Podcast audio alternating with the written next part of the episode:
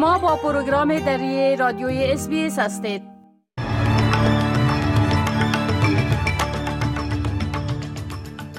با عرض سلام ما صاحب شکیب از برنامه دری رادیوی اس بی اس شما را به شنیدن اخبار امروز اول ماه آگست سال 2023 دعوت می کنم. بانک خزانه استرالیا امروز در نشست ماهانش نرخ سود را تغییر نداد. حیات های حکومات طالبان و ایالات متحده امریکا در خطر مذاکراتی انجام دادند. دو عراقی یک نسخه قرآن را در مقابل پارلمان سویدن پس از زیر پا کردن آن سوختاندند. تفصیل اخبار بانک مرکزی استرالیا برای دومین بار متواتر نرخ سود را در نشست ماهانه خود تغییر نداده است که این کمک بزرگی برای میلیونها قرضدار در سراسر کشور می باشد. هیئت مدیره این بانک بعد از ظهر امروز اعلام کرد که نرخ سود را به میزان 4.1 فیصد نگه می دارد که این اقدام تا حد زیادی در مطابقت با انتظارات بازار بود. بانک مرکزی استرالیا از ماه می سال گذشته هر ماه به استثناء ماهای اپریل جولای و امروز در ماه آگست نرخ سود را افزایش داده است. فلیپ لو گورنر بانک خزانه استرالیا گفت که افزایش نرخ سود در ماهای گذشته توازن خوبی را بین عرضه و تقاضای اموال و خدمات به وجود آورده که با توجه به این موضوع و همچنان عدم اطمینان پیرامون دورنمای اقتصادی هیئت مدیره بار دیگر تصمیم گرفت نرخ سود را در این ماه ثابت نگه دارد. پس از تحقیقات پلیس فدرالی استرالیا یک کارگر سابق کودکستان با 1623 تخلف و بدرفتاری با 91 طفل متهم شده است. پلیس فدرالی بر بنیاد این اتهامات حکم دستگیری این مرد 45 ساله را صادر کرده است. این اتهامات شامل 136 مورد تجاوز جنسی و 110 مورد رابطه جنسی با یک طفل زیر ده ساله است. ادعا می شود که این جرایم در بریزبون، سیدنی و خارج از کشور بین سالهای 2007 تا 2022 رخ دادند. جاستین گاف معاون کمیشنر پلیس فدرالی استرالیا از تیم تحقیقاتی برای کارشان در محافظت از اطفال در برابر سوی استفاده تشکر کرده است. This is chilling news. It is with a heavy heart that the AFP and other law enforcement dedicate so much time and resources to prevent and take action against individuals who commit heinous crimes against children. اگر شما یا شخص را که می شناسید به حمایت روانی نیاز داشته باشید با Lifeline به شماره 13 11 14 خدمات Suicide Call Back Service به شماره 13 659 467 و تلفن کمک اطفال به شماره 1855 1800 زنگ بزنید. حکومت البنیزی می‌گوید که طرحش برای وادار کردن شرکت های بزرگ گاز به پرداخت مالیات بیشتر تعادل مناسب را به بار می آورد. این در حالی است که نمایندگان مستقل پارلمان بر دولت فشار می آورند تا مقدار کسر مالیاتی برای شرکت های بزرگ را بیشتر از آنچی در حال حاضر پیشنهاد می شود کاهش دهد. حزب گرینز دو سناتور از شبکه جکی لمبی و سناتور مستقل دیوید پوکاک موافقت کردند که این اصلاحات مالیاتی پیشنهادی حکومت را در صورت تصویب خواهند کرد که بعد تقاضایشان برای کاهش حد کسر موافقت کند. جیم چالمرز وزیر خزانه میگوید که حکومت انتظار دارد با حمایت ائتلاف این لایحه را در سنا به تصویب برساند. We intend to legislate the changes to the PRRT that we announced in the budget. Uh, they came after a considered, uh, methodical, and long process, which landed on uh, three options from the Treasury. Uh, we chose the Treasury recommendation that provided the most return uh, sooner uh, when it comes to offshore LNG. and that's the design, that's the policy that we intend to legislate. عرضه خانه های بیشتر برای فروش فشار را در بازار مسکن استرالیا کمتر ساخته و اکنون خریداران انتخاب بیشتر در یافتن خانه دلخواهشان پیدا می کنند. بلند رفتن قیمت خانه ها پس از رکودی که در سال گذشته با شروع افزایش نرخ سود به وجود آمد هنوز هم ادامه دارد.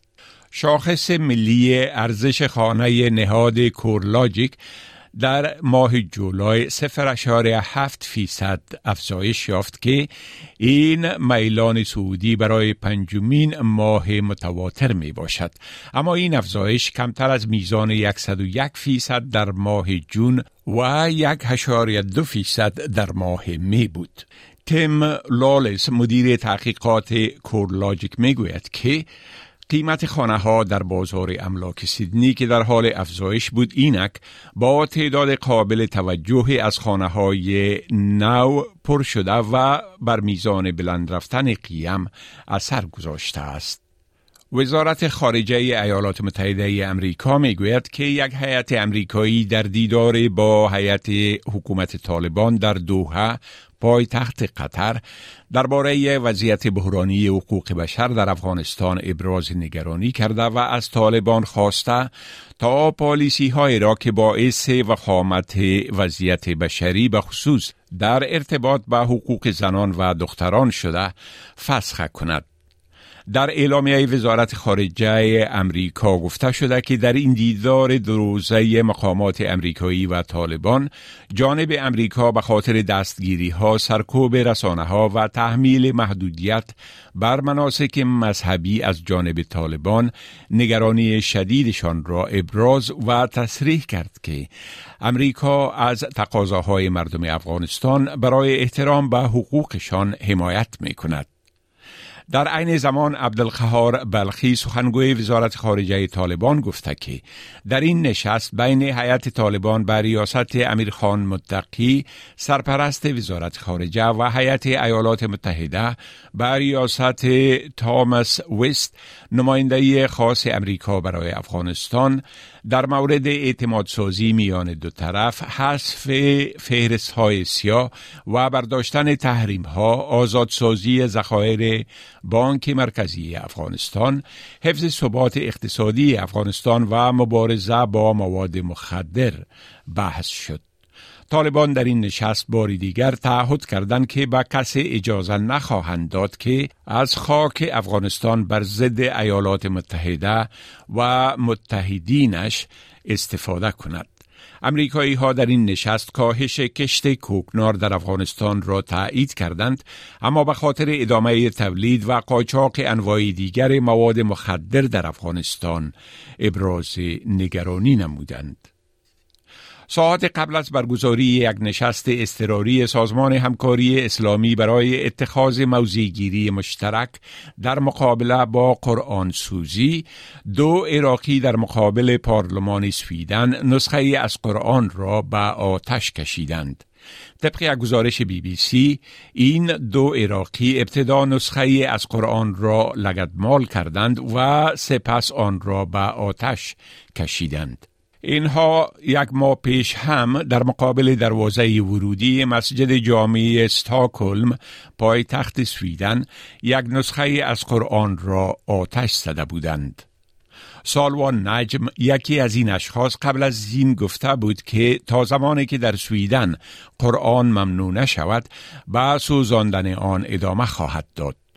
سوزاندن قرآن در سویدن اندک پس از آن آغاز شد که محکمه در آن کشور حکم کرد که ملاحظات امنیتی نباید باعث شود که آزادی بیان و دیگر حقوق تصریح شده در قانون اساسی سویدن محدود گردد که این اقدام خشم بسیاری از کشورهای مسلمان را برانگیخته است. رئیس جمهور اوکراین می‌گوید که در حمله راکت روسیه به شهر کریویری در جنوب اوکراین حداقل شش نفر به شمول یک دختر ده ساله و مادرش کشته شدند. ولادیمیر زلنسکی این حمله به شهر زادگاه خود را تروریزم توصیف کرد و افزود که بیش از 350 کارمند خدمات استراری و خدمات عامه در عملیات نجات شرکت داشتند. 69 людей постраждали, десятки зараз у лікарнях, серед них є і ті, хто у тяжкому стані. 69 people were hurt, dozens are now in hospitals, some of them are in serious condition. Everyone is being provided with the necessary aid, and I thank each and every person who is fighting for people's lives. The rescue operation was difficult. Parts of the building structure were falling. There was a fire on the level of the fourth floor. In total, more than 350 employees of the State Emergency Service, police, and communal services were involved in the rescue. Volunteers also helped. I'm grateful to everyone.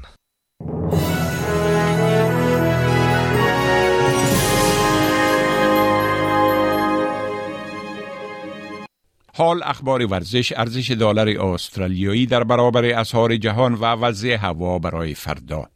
کتلین فورد مهاجم تیم ملی فوتبال زنان استرالیا مشهور به متلداز می‌گوید که این تیم برای مرحله حذفی جام جهانی زنان آماده است. استرالیا با پیروزی چهار بر صفر در مقابل کانادا در ملبورن در صدر دسته بی قرار گرفته و به مرحله حذفی جام جهانی راه یافته است. متلداز اکنون شام دوشنبه آینده هفتم آگست در سیدنی در مرحله 16 تیم نهایی با تیم درجه دوم گروپ دی که اواخر امروز اول آگست معلوم می شود بازی خواهد کرد. این تیم ممکن انگلستان، دنمارک، هیتی یا چین باشد. فورد می‌گوید متلداس پس از پیروزی در مقابل کانادا در وضعیت ذهنی مناسب برای مرحله حذفی قرار دارد. We felt good, we played well, we um, were aggressive, we finished off our chances. Um, yeah, just really pleased, obviously, to get the win, but even better to top the group. I mean, we're just getting started, and obviously, this game was a knockout one for us, so we're already in the rhythm of it, and um, we just got to keep going and keep building on it now. ارزش یک دلار استرالیایی در بازارهای تبادله اسعار معادل تقریبا 57 افغانی 67 سنت امریکایی 61 سنت یورو و 52 پنس بریتانوی می باشد. و حال پیشگویی هوا در شهرهای عمده استرالیا برای فردا. ملبورن نیمه ابری 17 درجه سانتیگراد سیدنی نیمه ابری 20 درجه سانتیگراد کمبرا نیمه ابری 17 درجه سانتیگراد بریزبون کم بارش 23 درجه سانتیگراد ادلید آفتابی 20 درجه سانتیگراد پرت بارش 18 درجه سانتیگراد هوبارت نیمه ابری 16 درجه سانتیگراد و داروین آفتابی 32 درجه سانتیگراد. این بود تازه ترین اخبار از پروگرام دری رادیوی SBS